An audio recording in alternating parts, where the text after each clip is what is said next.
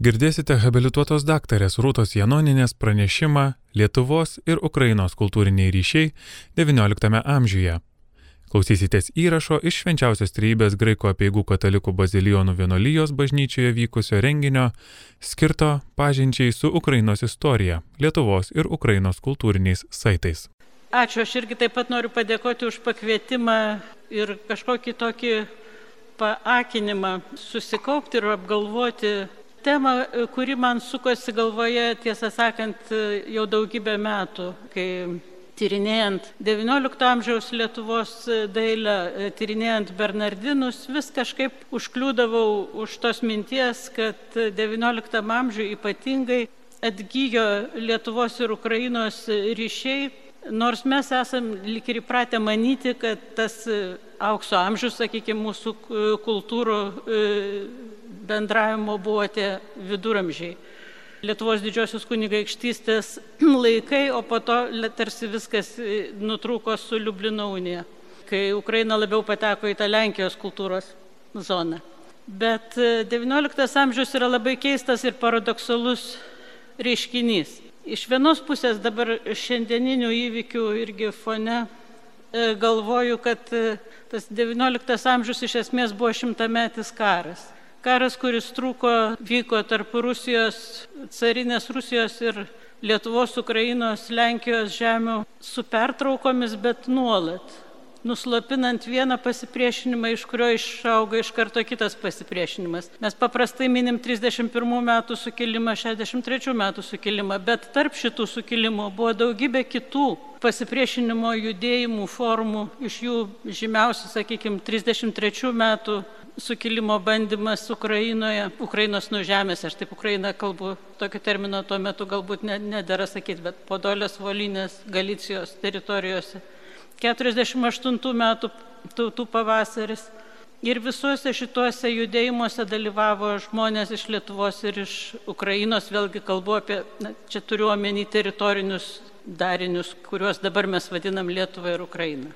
Bet pereisiu prie savo pagaliau pranešimo, kuris ir remiasi va tą XIX amžiaus paradoksų, kai padalinus abiejų tautų respubliką didelė dalis dabartinės Ukrainos pateko į Rusijos imperijos sudėti ir tarsi mechaniškai atsiskyrė nuo Lenkijos, bet prieartėjo prie Lietuvos tą prasme, kad vėl su Lietuva tapo bendroje valstybėje.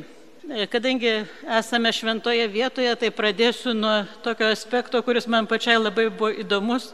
Tai yra nuo religinių organizacijų ir institucijų XIX amžiui Ir paimsiu kaip pavyzdį, nes apie viską čia neįmanoma išpasakoti, bet man artima pavyzdį tai Bernardinų provincija.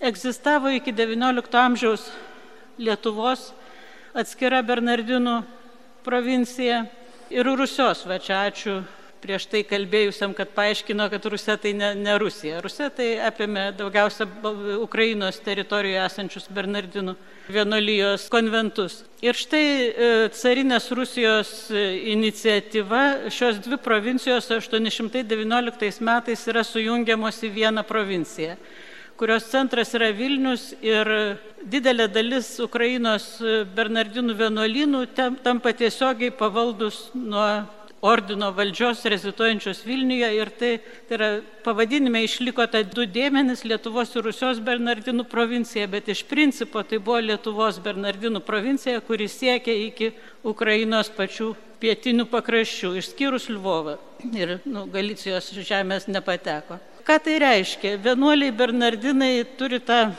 reikalavimą regulos kas trys metai keisti savo gyvenamą vietą, tai yra keliauja iš konvento į konventą. Tai pilna Ukraina liko apgyvendinta vienuolių iš Žemaitijos, kurie atvykdavo tenai trijų metų laikotarpį, keliavo iš vieno vienuolino į kito ir atsinešė ir savo kultūrą, savo kalbą netgi kai kuriais atvejais. Ir tas toks maišymasis davė labai įdomių rezultatų, bet irgi apie viską neįmanoma papasakoti, tai atrinkau vieną man įdomiausią, vieną faktą, kuris gali iliustruoti šito provincijų susijungimo tarsi tokį netikėtą rezultatą. Ir čia reikia paminėti, kad į tą bendrą Lietuvos ir Rusijos provinciją pateko Lutskas, labai svarbi vieta kur veikia Švento kryžiaus išaukštinimo bažnyčia prie Bernardinų vienuolino. Ir beje, tie Rusios vienuolinai istoriškai buvo susiję su Lietuva ir anksčiau, ta prasme, kad tos fundacijos dažnai rėmė bendri didikai, Lietuvos didikai. Šiuo atveju Lutsko statybą 18 amžiaus vidury rėmė Vilniaus vaivada Karolis Radvila. Bet istorija, kurią noriu papasakoti, yra ne apie jį, o apie vieną vienuolį, Vladislavą Drukteinį. Čia nežinau, jums matosi gal jo gyvenimo metai, nenoriu visko skaityti. Gimęs, na taip gan simboliškai, Kostiuškos sukilimo metais, 1794. Dabar turi būti ta pati Lutsko bažnyčia tik perstatyta. Ir Vladislavo Drukteinio gyvenimo epizodai išrašyti. Žodžiu, jo gyvenimo datos yra tokios simbolinės, gimė Kostiuško sukilimo metais, mirė greitai po 63 metų sukilimo, bet jau toli emigracijai. Gimė jisai Žemaitijoje, netoli Švėkšnos, vardas jo tas krikšto buvo Andrius Mikalojus. Ir 817 metais įstojo į Bernardinų ordiną, priėmė Vladislovo vardą Ir jo vienuolystės studijos vyko Lutsko būtent Bernardinų konvente, kur jisai baigė teologijos studijas, buvo išventintas į kunigus ir būtent tenai tą pradėjo savo vienuolinės tarnystės brandą. Iš Lutsko konvento Vladislavas Drukteinis vėl buvo pasiūstas į Lietuvą, dirbo keletą metų Turgelių bažnyčioje, o po 831 metų labai intensyviai dirbo tarp unitų, bandė pasipriešinti, aišku, ten ne, nelygios jėgos buvo, bet unitų naikinimui Vilniaus krašte ir buvo caro policijos už tai labai persekiojamas ir priverstas emigruoti. Jo gyvenimo istorija verta iš tikrųjų filmo, bet čia daug ką tenka praleisti ir peršokus jo daug nuotykių, galima paminėti, kad nuo 845 metų jis gyveno Italijoje, iš pradžių Porcunkulės vienuolinė prie Asyžiaus, vėliau kitose įvairiose Italijos vienuolynuose dirbo ir buvo žmonių labai gerbiamas dėl savo ypatingai uolumo, pamokslavimo, aistros ir šventumo gyvenimo. Ir mirė jisai 866 per Kalėdas būtent e, Romoje pagrindinėme Bernardinų vienuolyne Račelį ant Kapitolijos kalvos, e, kuris yra ir palaidotas kriptoje prie didžiojo altoriaus, vad kas busit Romoje, galit aplankyti jo palaidojimo vietą. Ir e, pat, nuo pat pradžių buvo laikomas vertu šventojo vardo, pradėtas buvo beatifikacijos procesas, bet kiek žinau, taip jisai ir nesibaigė dėl visokių istorinių peripetijų. Tai štai e, toks e, asmuo gimęs e, tarp Ukrainos ir Lietuvos būtent XIX amžiaus tų priverstinio provincijų sujungimo iš esmės išdavoje. Be tų asmeninių ryšių dar galima būtų pakalbėti ir tuos meninius ryšius, iš kurių irgi galim, galiu, atrinkau tik tai vieną pavyzdį Sokalio Dievo motinos paveikslą. Tai yra vienas iš garsiausių Ukrainos Bernardinų Dievo motinos paveikslų. Dabar dėja nebeegzistuojantis, jisai žuvo gaisre, yra tik tai išlikusi kopija, bet Vilniaus Bernardinų bažnyčioje buvo, čia atsiprašau, nelabai kokybiška nuotrauka, geresnės neišliko. Šoninio altoriaus viršutinėme tarpsnėje XIX amžiui buvo šito garsaus labai atvaizdo kopija, viena iš seniausių turbūt išlikusių. Ir šiuo metu jinai yra išlikusi, bet restauruojama, galbūt visgi kažkaip tai pavyks ją gražinti į tą autentišką vietą, tai turėsime dar vieną tą tokį ryšį priminimą sąsają sakralinę tarp Ukrainos ir Lietuvos Bernardinų. Ir tokia įdomi irgi istorinė detalė iš senesnių laikų, kad tos jau tikrojo Sokalio Dievo motinos stebuklingumo kelias prasidėjo nuo stebuklo patirto Stanislovo Radvilos dukters, kuris sirgusi džiova, buvo nuvežta prie to pat paveikslo, tėvas ją ten nugabeno ir jinai stebuklingai pasveiko. O Stanislavas Radvila pats palaidotas Vilniaus Bernardinų bažnyčioje. Vėl tos dvasinės gyjos nuo 16 amžiaus iki 19 atrodo taip ir driekėsi. E, bet peršokam į kitą sferą, nes iš tikrųjų reikia aptarti ir kai kuriuos kitus dalykus. Kalbant apie XIX amžių, e, didelė reikšmė tam kultūriniam bendradarbiavimui teko teatrui ir muzikai. Tai yra teatrų gastroliams. Ir kartais, ne kartais, o netgi yra tie atvejai, kai kaip Vaitiekaus Boguslavskio, kai dirbęs Liuvove, antrepreneris ir aktorius persikėlė į Vilnių su visa savo trupe ir įkūrė čia pirmąjį viešąjį teatrą. Taip kad tiesiai iš Lvovo gavome teatro meno korifėją. Marijona Moravska, taip pat garsi aktorė, Vilniaus teatro direktorė, iš pradžių gyvenusi ir dirbusi Liuvove, nuo 18 amžiaus dar pabaigoje atsikėlė į Vilnių ir čia gyveno iki mirties, čia ir palaidota. Taip pat teatrą su teatru, ne tik su teatru, aišku, su kitom dailės rytimis susijęs tapytojo Pranciškaus Mugliavičiaus brolis Antanas, kuris daugiausia turbūt savo gyvenamojų laikotarpių garsėjo dėl teatro dekoracijų ir sienų tapybos kompozicijų. Beje, yra šiokia tokia abejonė man dar, bet yra tikimybė, kad ir šitos bažnyčios ta tokia dabar visiškai apnykusi 18 amžiaus pabaigos sienų tapyba yra gali būti Antanos Mugliavičiaus arba jo komandos, jo bendradarbių, nes tikrai ne vieno dailininko čia rankoms tokia apimtis, bet čia jie galėjo būti prisidėję. Taip kad Antanas Mugliavičius irgi iš pradžių su Čechavičium ir su savo tėvu Luku dirbo Podgorcų rūmuose, vėliau kūrė te, dekoracijas Lvovo teatre ir su ta tradicija atsikėlė ir į Vilnių ir irgi iki mirties gyveno čia. E, Konstantinas Otosielskis labai įdomus asmuo, apie kurį šiuo metu bandau surinkti medžiagos, buvo vienas iš garsiausių teatro dailininkų Lvove gimęs dailininko šeimoje, Stanislovo Otosielskio. Ir Vilniuje kol kas neradau nei vieno eskizo netgi Konstantino Otosielskio kūrinio, nors dar nepraradau vilties, gal tikiuosi rasti, bet radau jo namą, tai yra ne aš radau, tas namas žinomas, bet tiesiog galiu parodyti, kad Totorių gatvė 21 yra išlikęs namas, kuriame gyveno iš Lvovo atsikraustęs dailininkas su visa šeima.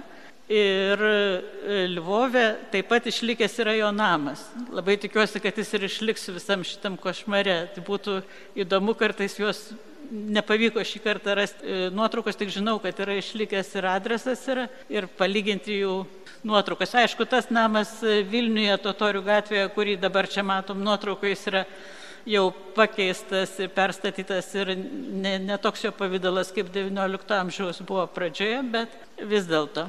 Ir Konstantinas Otosielskis daugiausia dirbo teatre, kuris dabar yra tie vadinamieji mažiai radvilų rūmai, tai yra teatro muzikos muziejus. Jo beje sunus buvo Pranciškaus Mugliaučiaus mokinys Vilniaus universitete ir taip pat dailininkas. Vilniuje koncertavo labai sėkmingai ir sulaukė didelio pasisekimo Lvovo teatro orkestro dirigentas, garsus kompozitorius ir muzikantas Karolis Lipinskis. Čia buvo sukurti net keli jo portretai, čia, jeigu matosi, tai iliustracijoje yra Valentino Vankavičiaus portretų, tapyto portreto kopija atliktas Livickio litografijos būdu.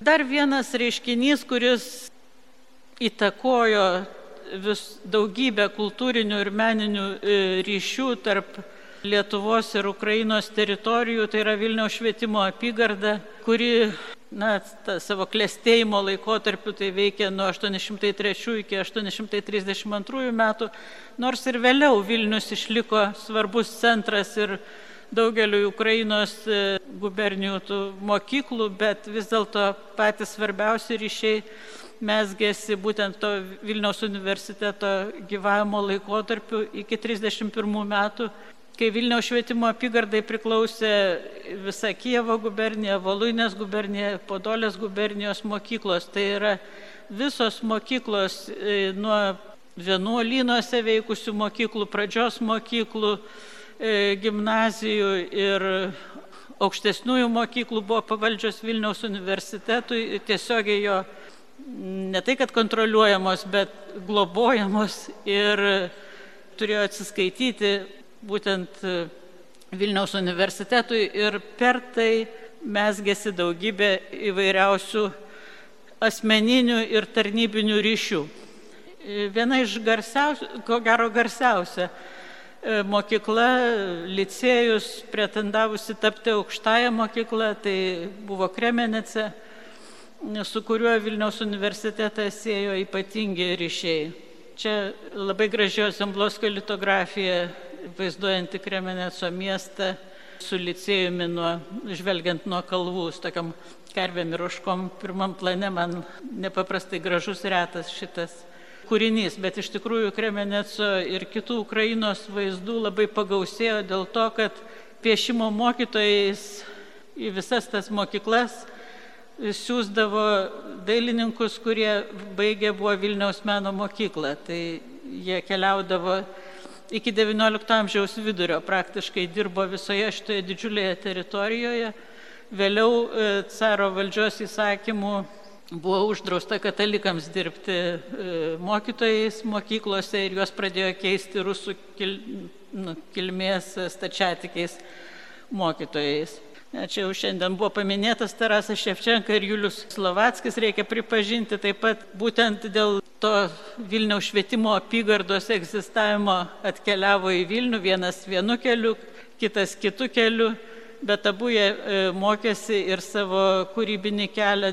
Tarasas Ševčenka garsus, žinoma, pirmiausia kaip poetas, bet taip pat buvo ir dailininkas, mokėsi šiek tiek pas Joną Rustemą, e, trumpai, bet vis tiek pradėjo čia savo kelią ir turime jiems paminklus Vilniuje išlikusius iki dabar. Čia e, primenu, kad Vilniaus meno mokykla veikusi Smuglevičiui užsakydavo paveikslus į įvairias bažnyčias ir, ir dvarų kolekcijas, labai irgi toli nuo Lietuvos esančias. Čia ribodama vėlgi labai at, bandydama atrinkti tai, noriu, kuo noriu iliustruoti savo teiginius, atrinkau vieną iš garsiausių turbūt Pranciškaus Muglevičiaus paveikslų esančių Ukrainos teritorijoje, tai yra Lvovo Švento Jūro katedros didžiajame altoriuje, kuriame yra jo nutapytas didelis paveikslas Kalno pamokslas. Čia yra šitoje skaidrėje niekaip neradau geresnės iliustracijos ir dėja pati būdama Lvove kažkada anksčiau gerokai nesugebėjau nufotografuoti, ten labai sunku nufotografuoti toj erdvėje tą altorių, o čia šiek tiek išdidint, išdidinta ta šalia nuotrauka yra mano kolegos iš Ukrainos man atsiųsta šiek tiek su šypsena e, padaryta nuotrauka ukrainiečio dailininko kopija nuo Pranciškaus Mugliavičiaus paveikslo. Sako, jeigu neturi geros Pranciškaus Mugliavičiaus iliustracijos, tai parodyk šitą. Čia yra tokia šiek tiek mažai pasimokiusio ir vargu ar pas Mugliavičių mokėsi šitas dailininkas, bet pats faktas, pats reiškinys, kad Smugliavičiaus kūrinys ten funkcionavo ir buvo kopijuojamas, tai man yra labai svarbus atrodo ir manau, kad Lietuvoje šitą Pranciškaus Mugliavičiaus paveikslą tikrai labai nedaug kas žino. Jeigu pasisektų nuvažiuoti kam nors į Lvovą ir jeigu duok Dievė ten viskas būtų išlikę taip, kaip yra, tai būtinai aplankykite. Nes tai tikrai pati svarbiausia Lvovo šventovė. Smugliavičius, beje, kad jau taip kalbame, buvo nutapęs torinius paveikslus ir čia, šitoje šventovėje. Bazilionai buvo užsakę jam, jeigu dabar neklystų, bent septynis altorinius paveikslus ir dėja nei vienas iš jų neišliko. Arba gal išliko tik tai nežinia kur, kai buvo panaikinta bazilijonų vienolyje ir čia vėl įsikūrė stačiatikiai, tie paveikslai dar kurį laiką buvo, jie minimi inventoriuose, buvo įjungti į ikonostasą, vėliau greičiausiai buvo išvežti į Rusiją. Bet nesu tikra, nežinau, jų pėtsakai tiesiog dinksta. Tai kaip tokį tolimą, gal ne labai tolimą, bet analogą galiu parodyti Pranciškaus Mugliavičiaus paveikslus nutapytus Varšuvos bazilijonų bažnyčioje. Buvo nutapęs, nutapę juos šiek tiek anksčiau negu Vilniuje, dar gyvendamas Varšuvoje ir tie paveikslai labai irgi išgarsino. Buvo komentuojami ir visai jais žavimasi ir Iš dalies tai prisidėjo prie to, kad Vilniaus bazilijonai taip pat užsinorėjo ir vietoj ten Varšuvoje yra trys paveikslai, o jie užsakė gerokai daugiau. Na, aš vis tiek dar turiu vilties, kad kada nors, kur nors tie Pranciškaus Mugliavičiaus paveikslai iš čia, iš šitos bažnyčios, jie dar gal atsiras. Viskas atsiranda iš esmės. Kadangi minėjau apie dailininkus iš Ukrainos žemių, kurie atvykdavo į Vilnių mokytis, tai visų neišminėsiu, bet keletą norisi, kad jų vardai visgi nuskambėtų vėl čia Vilniuje. Vienas iš tokių garsesnių Smugliavičiaus mokinių buvo Ignacas Bžuškevičius, kilęs iš Voluinės. Kartu su Smugliavičiumi atvyko į Vilnių iš Varšuvos, nes buvo pradėjęs mokytis pas jį toje privačioje mokykloje Varšuvoje. Čia e, dar pasimokęs grįžo į Ukrainos žemės, gyveno Podolės kamenėse, Vinicoje ir vat, buvo vienas iš tų piešimo ir architektūros mokytojų, e, kurie nešė būtent tą meno kultūrą į Ukrainos mokyklas. Ir čia iliustracijoje yra Vilniaus universiteto rektoriaus portretas sukurtas pagal jo piešinį, o beje pats rektorius Trojnovskis taip pat kilęs iš Voluinės ir kurį laiką yra buvęs Lutsko vyskupų koadjutorium.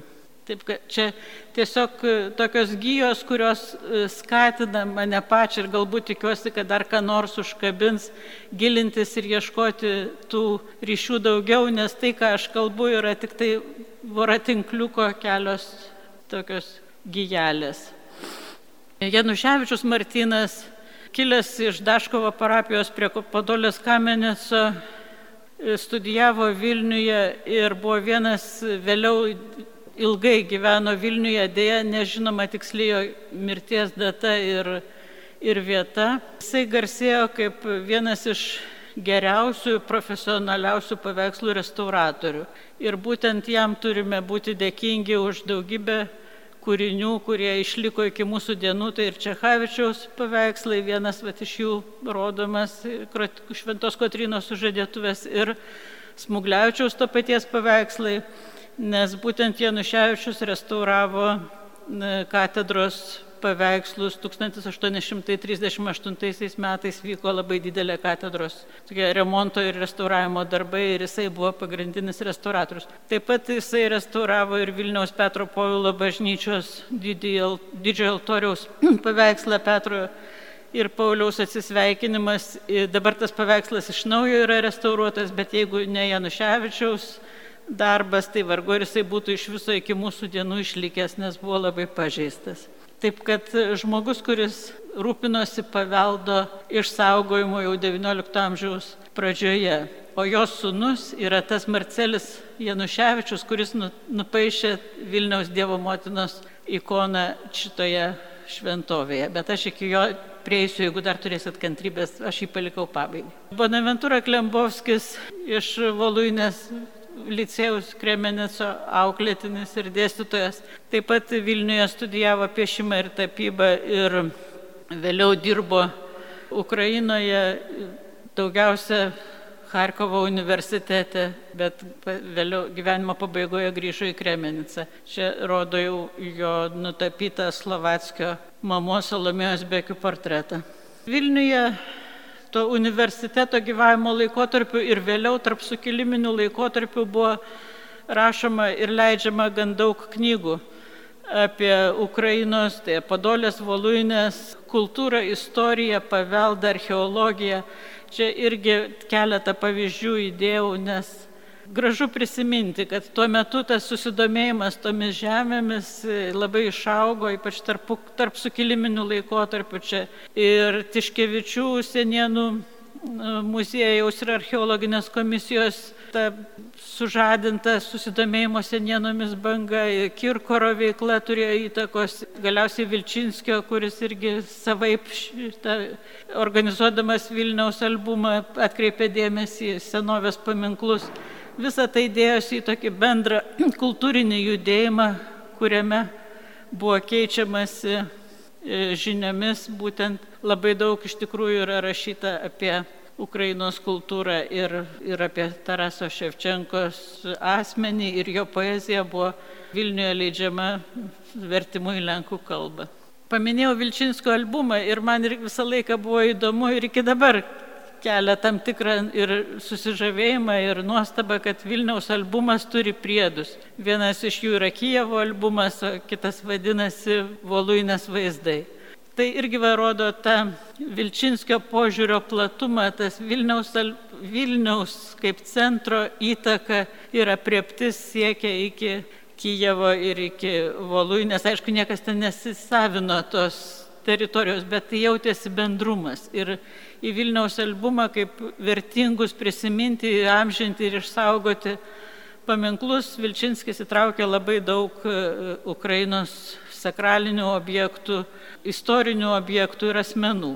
Čia irgi tik keletą parodysiu. Tai Lietičivo Dievo motina, viena iš garsesnių šventų Santa Marija Madžiorė paveikslo kopijų. Tas pats atvaizdas, tik tai kita taip pat iš Vilčinskio albumo litografija atvaizdas vainikuotas popiežiškomis karūnomis ir buvo vienas iš tikrai garsiausių abiejų tautų Respublikoje. Tas pats Kremenecas, tik tai kitas vaizdas iš Voluinės vaizdų serijos su mokiniais gimnazistais, bėgančiais iš pamokų, galbūt pirmame plane, jokauju, nieks nebėgo ten iš pamokų. Įspūdingi, didingi e, rūmai Romanovas Voluinėje iš serijos Voluinės vaizdai. Beje, išlikę rūmai, tik tai ne taip dabar jau didingai, bet atrodantis. Ostrogo pilis, iš kurios kilęs yra Ostrogiškis, mums gerai pažįstamas, taip pat iš tos pačios serijos labai romantinis, toks dramatinis vaizdas. Nežinau, kaip jums matosi ekrane, bet tikiuosi, kad matosi labai tamsi litografija, tokia juoda, su menulio šviesa. Jau minėta Kijevo Šventojios Sofijos soboro reikšmė ir taip pat į Vilniaus albumą pateko mozaikų kopijos.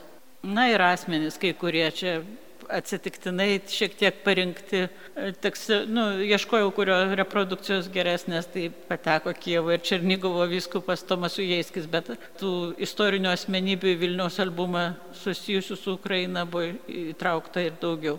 Ir dar reikia paminėti e, dailininkus Čia buvo toks atvirkštinis reiškinys. Jeigu Vilniaus universiteto gyvavimo laikotarpiu, kol veikė katedros iš e, Podolės ir Voluinės važiuodavo studentai, e, tai po sukilimo, kai studentai ir, ir baigę dailininkai turėjo emigruoti, dalyvavę sukilime, bėgo į užsienį, didelė dalis jų rado prieglopsti būtent Galicijoje ir Lvove. Ten Austro-Vengrijos teritorijoje jie pasislėpdavo, kartais pri, gav, priėmę slapyvardžius, kaip Napoleonas Ilakavičius virtęs Cibulskiu, kartais savo pavardę, pavardėmis.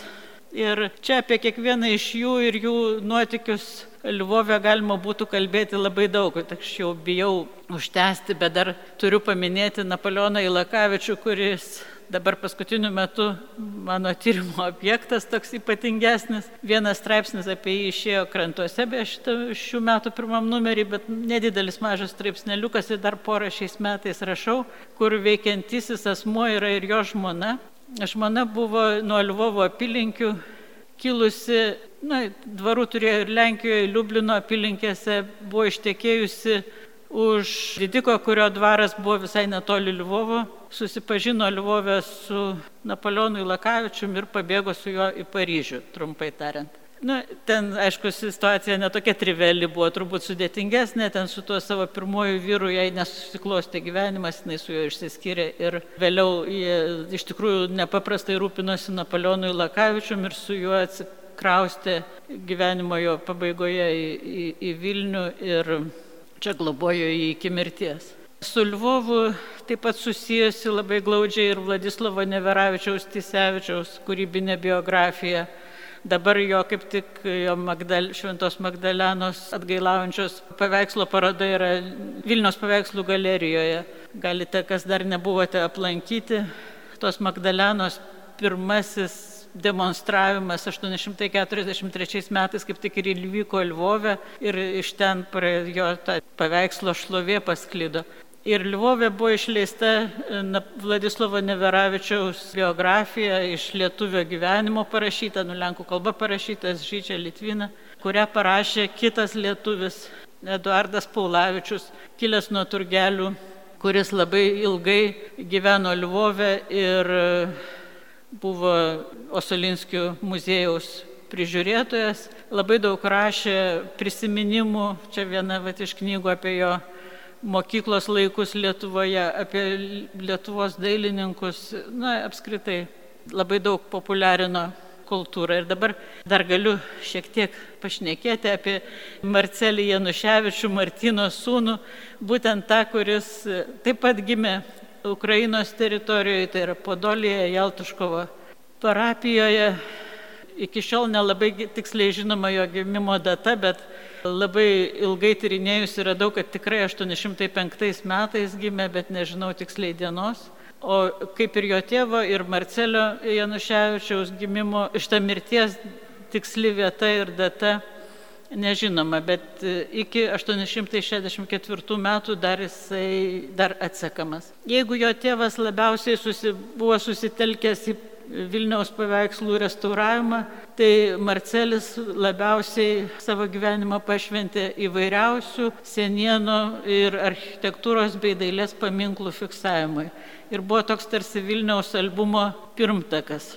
Čia lenkiškai įdėjau tokį prospektą, kurį jisai paskelbė, kas supranta lenkiškai, gali paskaityti šiek tiek. Jisai buvo spaudoje paskelbęs 837 metais tokį Vilniaus senienų projektą, kuris pas, pažadėjo, kad išleis litografijų serija sudaryta iš 40 kūrinių, kur bus įvairios bažnyčios užfiksuotos, įvairių žmonių paminklai, rūmų įvairiausių dvarų vaizdai, kurie jau sunaikinti ir kurie dar egzistuoja, taip portretai ir taip toliau ir taip toliau. Žodžiu, rinko įvairiausias istorinės ir meninės tas vertybės ir jas fiksavo. Jisai nebuvo galbūt labai aukštos aukšto tokio polėkio dailininkas, bet aš manau, kad jis iš kitos pusės jis būtų galėjęs kurti tos savarankiškus, kaip čia būtų pasakyti, e, kūrinius, savas kompozicijas, bet jis pasišventė tiesiog būtent tam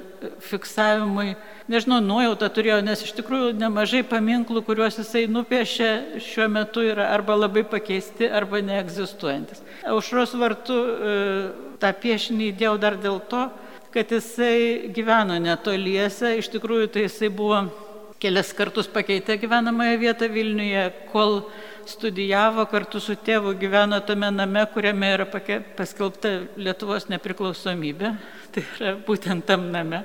Tuo metu ten buvo Kliukovskio namas. Vėliau kurį laiką gyveno Derajasų name, taip vadinamam netoli prezidentūros, bet vėliau visą savo tą gyvenimą vedė, turėjo daugybę vaikų, kurie labai maži mirdavo ir už tai būdavo registruojami labai daug yra jo paminėjimų metrikų knygose. Jis pagrindinai buvo visų šventų parapijos parapijėtis, tose metrikų knygose yra aktai įrašyti ir kartais krikštydavo vaikus aušros vartuose. Tai už tai nuo, nuo čia, beje, turėjo sūnų Stanislavą, kuris irgi buvo dailininkas ir yra, kai kurie iš šitų vaizdų yra kopijuoti jo sunaus. Na, vienas iš paminklų, kuriuos jis užfiksavo, yra laimingai išlikęs, tai yra universiteto rektoriaus Strojnovskio antkapė Švento Jono bažnyčioje. Sapiegų rūmai Antakalnyje labai tai šitą akvarelę prisidėjo prie to, kad būtų galima atstatyti tą autentišką rūmų vaizdą. Buvo užfiksuota prieš perstatant į, į ligoninę karinę. Buvę jezuitų rūmai Vingyje, kurie dabar nebeegzistuoja išskyrus mažiuką tvoros fragmentą. E, Vilniaus Bernardinų bažnyčios lobino duris labai smulkiai jo išpašytos ir užfiksuotos, atskiri fragmentai užpašyti. Jos duris egzistuoja pačios, bet yra retai kada matomos, yra nacionalinio muziejaus kolekcijoje. Tiesiog, na, išimtos iš Bernardinų bažnyčios zakristijos ir perneštos į muziejų. Na, negalėjau susilaikyti ir dar kartą įdėjau ir Vilniaus Dievo motinos ikoną, bet jis fiksavo ir kitus paveikslus šiek tiek. Beje, jo ta kolekcija visai virš 200 akvarelių, vietoj 40 jis jų nutapė, nupaišė žymiai daugiau, yra labai išblaškyta. Yra dalis Varšuvos rinkiniuose, dalis Vilniaus universiteto bibliotekoje, dalis Lietuvos dailės muziejuje, dalis nacionalinio muziejuje ir labai didelė dalis Maskvos Puškino muziejuje kur išvažiavo su Vilniaus Senienų muziejumi ir negrįžo. Jisai iš pradžių vat, buvo sumanęs tą 40 litografijų albumą, kuris iš dalies įgyvendintas. Tos yra kelios litografijos žinomos su Zemblovskio darytos, bet neaišku, ar buvo padarytas visas rinkinys. Vėliau jisai gavo daugybę kitų užsakymų ir Vieni iš pagrindinių buvo Tiškevičiai, Eustachijus ir Konstantinas, kurie užsakinėjo jam įvairius piešinius. Eustachijus Tiškevičius rinko giminės antkapių vaizdus savo rengiamai knygai ir būtent tuo tikslu Marcelis Januševičius nupaišė ir Aleksandro Tiškevičiaus paminklą iš Trinitorių bažnyčios, kuris nebeegzistuoja. O kitą tai Sigutė pažįsta iš Mykolo bažnyčios. Nupaišytas ir iš šitos bažnyčios Kuminų koplyčios antkapinis paminklas Barboros Naruševičiūtės, kuris buvo ir litografuotas. Manau, kad čia uždėjau klaustukėlį tokį, nes nepasirašytas, bet aš manau, kad pagal visą stilių ir patį principą tai tikrai yra Marcelio Januševičiaus fiksuotas.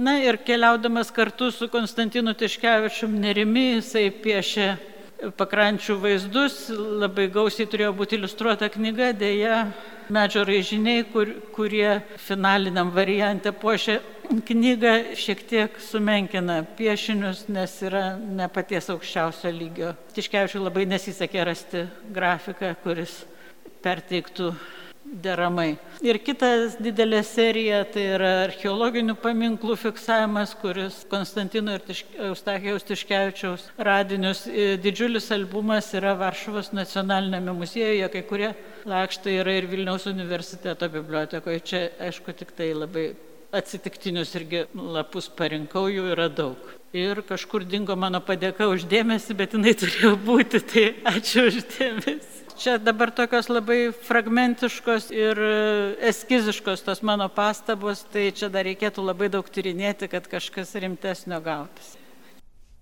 Girdėjote habilituotos daktarės Rūtos Janoninės pranešimą Lietuvos ir Ukrainos kultūriniai ryšiai XIX amžiuje. Klausėtės įrašo iš švenčiausios trejybės graiko apieigų katalikų bazilijonų vienolyjos bažnyčioje vykusio renginio, skirto pažinčiai su Ukrainos istorija Lietuvos ir Ukrainos kultūriniais saitais.